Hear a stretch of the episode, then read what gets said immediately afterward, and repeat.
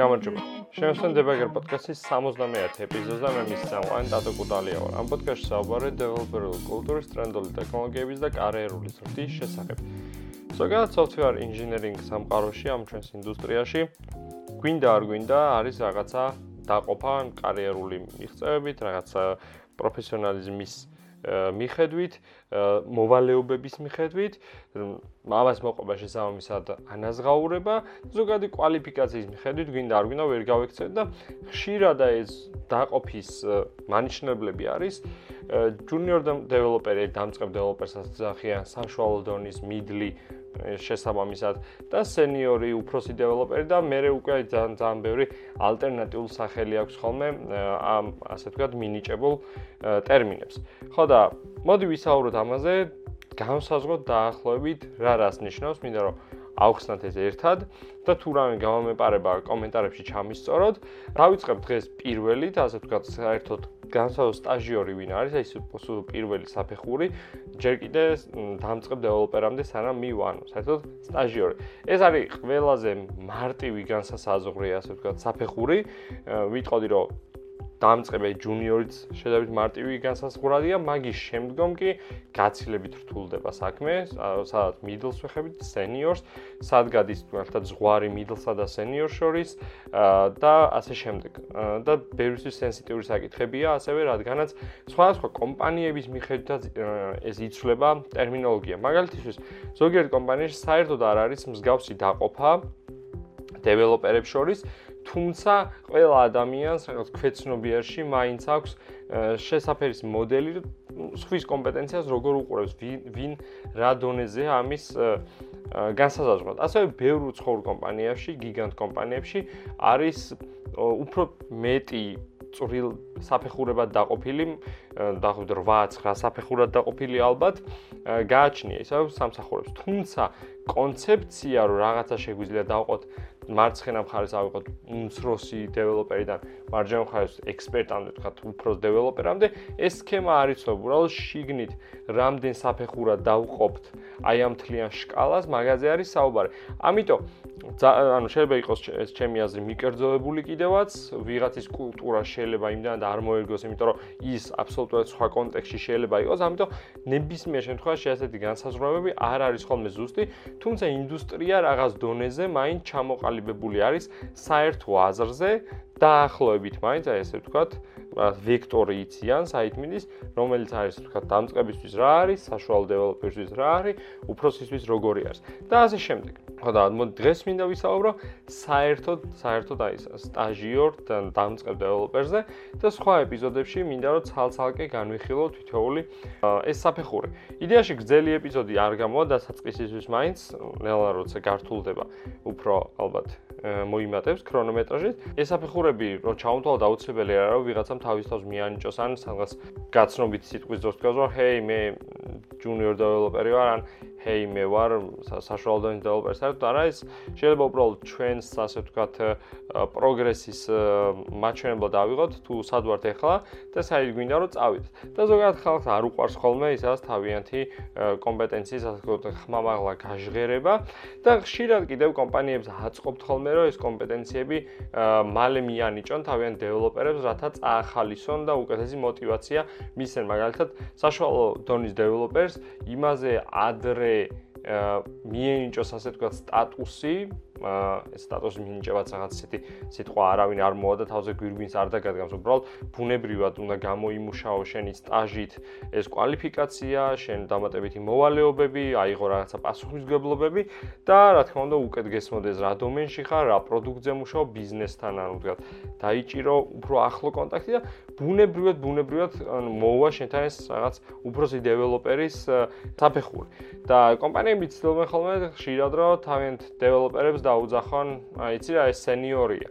და ამითი თქვა წაახალისონ, რომ ისინი კომპანიაში რაღაც განსაკუთრებულს ფლობენ, ან პირიქით უფრო ლოიალურები უნდათ რომ იყვნენ დეველოპერები და ეს არის მთლიანად, ასე ვთქვათ, კომპანიის ორგანიზაციული სვლა და ხშირად მე ესეთი დეველოპერები რეალობას არიან მოწყვეტილი და სხვა კომპანიებში ცოტა აცდენა აქვთ ხოლმე ამ ლეველების შეფასების მიხედვით. ამიტომ ესეც ვთქვათ გასათვალისწინებელი ასპექტია და ვილაპარაკებთ სამომავლოდ. მოდი როგორც ვთქვი, დღეს დავიწყოთ ასე ვთქვათ სტაჟიორით. რას ნიშნავს სტაჟიორი? სტაჟიორი არის პირდაპირ ასე ვთქვათ უნივერსიტეტიდან, კოლეჯიდან ნებისმიერი ტექნიკური სასწავლო დაწესებულებია პირველად როდესაც გამოვა ადამიანი და საერთოდ არ აქვს სამუშაო გამოცდილება. უნივერსიტეტ დამთავრებულ შეიძლება ქონდეს სამუშაო გამოცდილება, მაგრამ აქ უბრალოდ რაღაც ტერმინზე რო შევთანხმდეთ, ეს არის ადამიანი, რომელსაც სამუშაო გამოცდილება არ აქვს და ეხლა ხან თქვათ აითვისა ისწავლა საბაზისო საკითხები ამ ტექნიკური მიმართულებით. ზოგიერთ კომპანიას, ну, საქართველოსშიც და საქართველოს ფარგლებს გარეთაც აქვს სპეციალური პროგრამები, ეს ინტერნშიპები, სადაც აყავთ ეს სტაჟიორები და ზრდიან თავიანთ შიგნით აძლევენ თეორიულ ცოდნას, აძლევენ სამუშაო გამოცდილებას და ნელ-ნელა ნელ-ნელა ისინი რა თქმა უნდა გადადიან შემდეგ შემდეგ საფეხურზე და ეს კომპანიები ძალიან აწყობთ, რადგანაც ასე ვთქვათ, პოტენციურად მონდომებულ გონება გახსნელ დეველოპერებს, აი ეს საწყისები ვისაც უარგა, აი ისეთ ხალხს აიყვანენ და მასში ჩადებულ ასე ვთქვათ შრომას შეიძლება ძალიან დადებითი პასუხი მოყვეს, თქვათ რა მომავალ ერთი წლის შემდეგ, როდესაც ეს დეველოპერი ნელა გაიზრდება და გამოაჩენს თავიანთ ძალას და ასევე გამოაჩენს თავდაჯერებულს, ანუ ყოველ დღე თვიდან თვემდე ყველა ადამიანს ახალ სამსახურში ას თავდაჯერებულობა ემატება.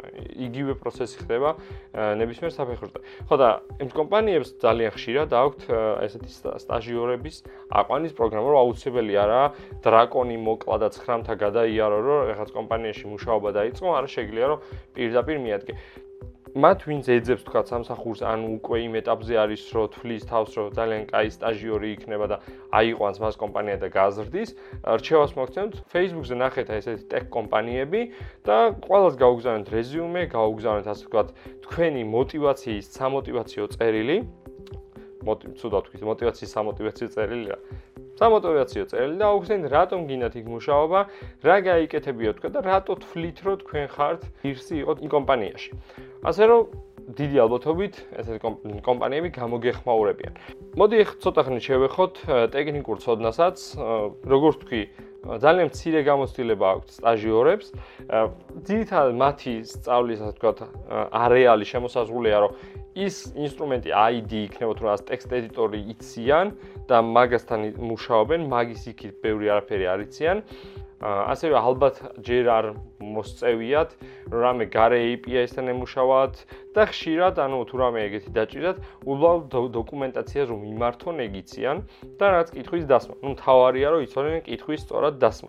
აი ამ ძირითადი პლატფორმის გარეთ ცოდნა არ აქვთ და ამ პლატფორმაში ასე ვთქვათ საწყისები საწყისში არიან გარკვეული და ცდილობენ უფრო და უფრო ღრმად შეყვნენ. აი ეს არის იდეაში სტაჟიორის ყველაზე ზოგადი განმარტება რაც შეიძლება იყოს.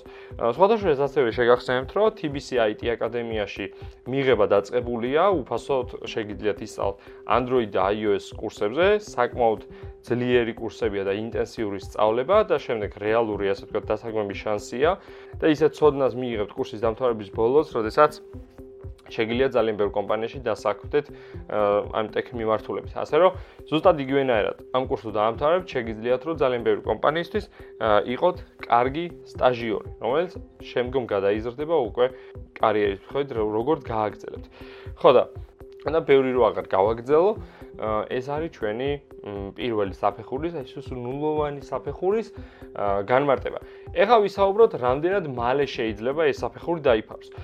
ეს რა თქმა უნდა დამოკიდებული არის ადამიანზე, თუმცა ვთვლი რომ მაქსიმუმ ალბათ 5 თვე, 6 თვე, როდესაც ადამიანი მორჩება თავის სასტაჟიორო პროგრამას სამსახურში და მზად არის უკვე ჩაერთოს უფრო აქტიურ ფაზაში, დამწყებ დეველოპერად, უფრო მეტად ჩაერთოს პროექტებში, უფრო მეტი პასუხისგებლობა აიღოს და გამოაჩინოს, რომ იგი ნამდვილად ღირსია, რომ უფრო და უფრო მეტი დაამტკიცოს. როგორც ვთქვი, მაქსიმუმ 5-6 თვე, მაგრამ კარგი ვარიანტია ალბათ 3 თვე, 4 თვე მაქსიმუმ, იმიტომ რომ ამ 3-4 თვეში რეალურად შეიძლება გამორჩეს ის ძალიან კაი თვისებები, რაც სამომავლოდ გამოადგება ამ ადამიანის კომპანიაში. ანაზღაურება განსხვავდება კომპანიიდან კომპანიისადმი, ამიტომ ამ ნაწილზე ვთქვათ, არ შევაჩერებდი მე არჩევანს, რადგანაც საწყის ეტაპზე მნიშვნელოვანი არის, ასე ვთქვათ, ტექნიკური ცოდნის და რეალური გამოცდილების მიღება. რა თქმა უნდა, დასრულდა ის დრო საქართველოში, როდესაც სტაჟიორები ვთქვათ, ჩვენ სფეროში უფასოდ მუშაობდნენ, თუმცა კონკრეტული ანაზღაურება მაინც დამოკიდებული არის კომპანიებზე, რა სფეროში მოღვაწეობენ და ასე შემდეგ. თუმცა ისევ როგორც თქვი, ძირითადი ფოკუსი უნდა იყოს ამ შემთხვევაში სწავლა და განვითარებაზე. დღესთვის ულა ეს იყო მომავალ ეპიზოდში უკვე ვისაუბრეთ შემდეგ საფეხურზე, ასე რომ დაელოდეთ შემდეგ ეპიზოდსაც მომავალ შეხვედრამდე. ალბათ.